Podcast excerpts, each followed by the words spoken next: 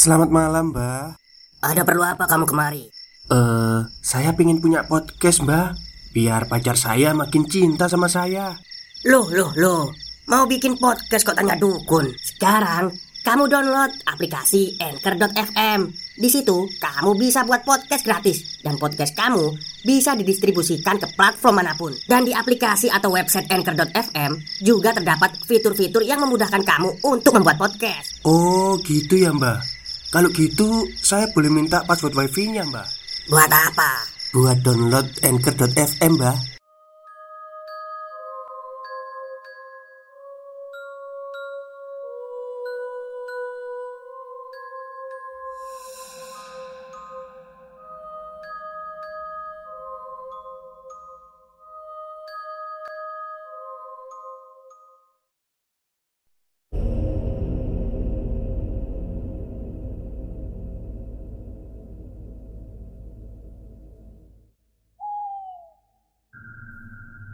Assalamualaikum warahmatullahi wabarakatuh. Halo semuanya Jumpa lagi dengan saya Chow Sing Sing Kurator dari podcast Horror Night Story. Halo apa kabar semuanya? Semoga kalian semua baik-baik saja ya. Dan seperti biasanya pada malam hari ini Saya kembali dan akan menghadirkan sebuah kisah mistis untuk kalian semua Kisah mistis kali ini saya datangkan lagi dari tweet twitternya Mbak Pai Moto Yang menceritakan tentang sesosok penghuni yang ada di rumahnya. Oke, daripada kita berlama-lama Mari kita simak ceritanya. Dulunya rumahku itu adalah kebun pisang merupakan lapisan kedua dari jalan utama desa. Lalu di belakang rumahku adalah kebun kopi dan rambutan. Almarhum bapak membangun rumah itu pada tahun 2006 Saat itu aku masih kelas 6 SD dan kami tempati pada pertengahan 2006 Rumahku cuma satu lantai tidak seperti kebanyakan rumah di desa yang berupa rumah panggung. Pada awal 2007, almarhum bapak mendapat musibah. Beliau mengalami kecelakaan motor, sehingga ibuku ikut ke tempat bapak bekerja untuk merawat bapak. Adik lelakiku juga ikut karena dia belum sekolah, sehingga tinggallah aku seorang diri di rumah. Walaupun di depan rumahku adalah rumahnya nenek, tapi aku kurang nyaman untuk tidur di sana. Rumah sendiri jauh lebih baik, bagaimanapun juga keadaannya. Ajak teman-temanmu saja menginap di rumah, biar nggak kesepian. Pesan ibuku sebelum berangkat menuju lokasi tempat bapak bekerja. Iya, Bu, Nanti ku ajak puput. Ibu hati-hati ya di jalan. Salam buat bapak.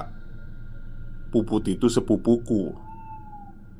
Setelah ibuku pergi Aku langsung menuju rumah nenek Dan meminta puput untuk menginap di rumahku malam ini. Kami juga mengajak Yani dan Mita temanku Yang rumahnya hanya berjarak dua rumah dari rumahku Malamnya, setelah memastikan semua pagar terkunci, aku menuju ruang makan. Bersama Yani, Mita, dan Puput, kami makan malam. Lalu berkumpul di ruang TV. Aku tiduran di sofa panjang ruang tamu. Mita dan Yani dan Puput tidur di matras depan TV.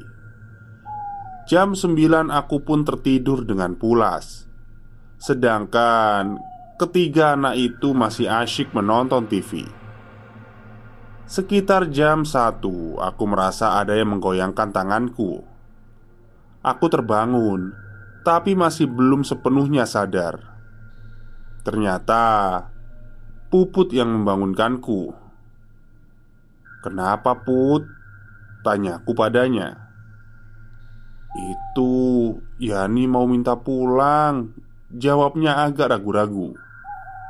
Hah? kenapa mau pulang? Ini masih malam. Tanyaku tak percaya atas jawaban Puput. Ah, gak apa-apa sih Jawab Puput dengan wajah tak enak. Mana sih Yani? Tanyaku lagi. Itu udah pindah tidur ke kamar kamu Jawab Puput. Oh ya udah Besok pagi sekalian. Masih malam ini.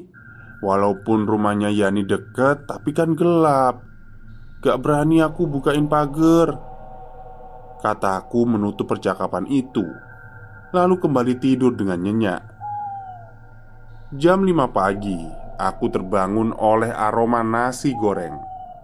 Di dapur Puput sudah memasak nasi goreng Yani dan Mita mencuci piring di halaman belakang rumah yang dibatasi pagar dengan kebun kopi tetangga. Karena pada saat itu dapur rumahku belum ada tempat khusus untuk cuci piring. Jadi halaman belakang rumah itu lantainya disemen untuk jadi tempat cuci piring. Yan, kok semalam kamu mau minta pulang sih? Tanyaku pada Yani Yani, Mita, dan Puput saling lirik-lirikan. Eh, ditanya kok malah lirik-lirikan sih? Tanyaku lagi sambil menyendok nasi goreng ke piring. Yani mulai bercerita setelah Puput dan Mita mengangguk kompak. Jadi, ternyata semalam itu saat mereka asyik nonton televisi Yani melihat sesosok wanita berbaju putih dengan rambut awut-awutan berjalan dari kamar ketiga menuju ruang makan. Pada saat itu, Yani tidak memberitahu Mita dan Puput. Dia hanya meminta untuk pulang saja. Bahkan saat Puput mencegahnya, Yani tidak peduli sama sekali dan bergegas membuka pintu depan lalu menuju pagar di halaman samping. "Yan, kamu kenapa tiba-tiba mau pulang?" tanya Mita. "Gak apa-apa, pokoknya aku mau pulang aja sekarang," tanya Yani. "Tapi itu pagar dikunci kan? Dan aku gak tahu Pai nyimpennya di mana," kata Puput. "Ya udah Put, tolong kamu masuk dan bangunin Pai." Minta tolong bukain pagar. Sekalian aku mau pamit. Kata Yani terus mendesak ingin pulang. Puput pun masuk dan membangunkanku. Tapi Aku kalau sudah tertidur itu sangat sulit untuk dibangunkan. Puput langsung keluar dan memberitahu Yani Bahwa aku tidak bisa dibangunkan. Aku panjat aja ya pagernya Kata Yani sambil mendekati pagar FYI itu pagar rumahku itu tinggi dan atasnya itu kayak ada tombak-tombak kecil yang tajam. Dan Yani nekat mau manjat Sampai Mita marah Dan setengah membentak melihat kenekatan Yani Kamu ini kenapa sih Yan? Ngotot banget mau pulang malam-malam Turun Bahaya tahu manjat-manjat kayak gitu Stop stop Kita break sebentar Jadi gimana? Kalian pengen punya podcast seperti saya? Jangan pakai dukun, pakai anchor, download sekarang juga gratis. Yani kemudian menangis sambil terduduk di tanah. Pupu dan Mita pun mendekati Yani. Mita merasa sangat bersalah karena membentak Yani. Akhirnya dia minta maaf. Maafin aku ya Yan Katanya sembari mengelus punggung Yani. Gak apa-apa Aku cuma takut kok Kata Yani di sela tangisnya. Tamat. Oke, itulah cerita singkat dari Paimoto tentang penghuni rumahnya.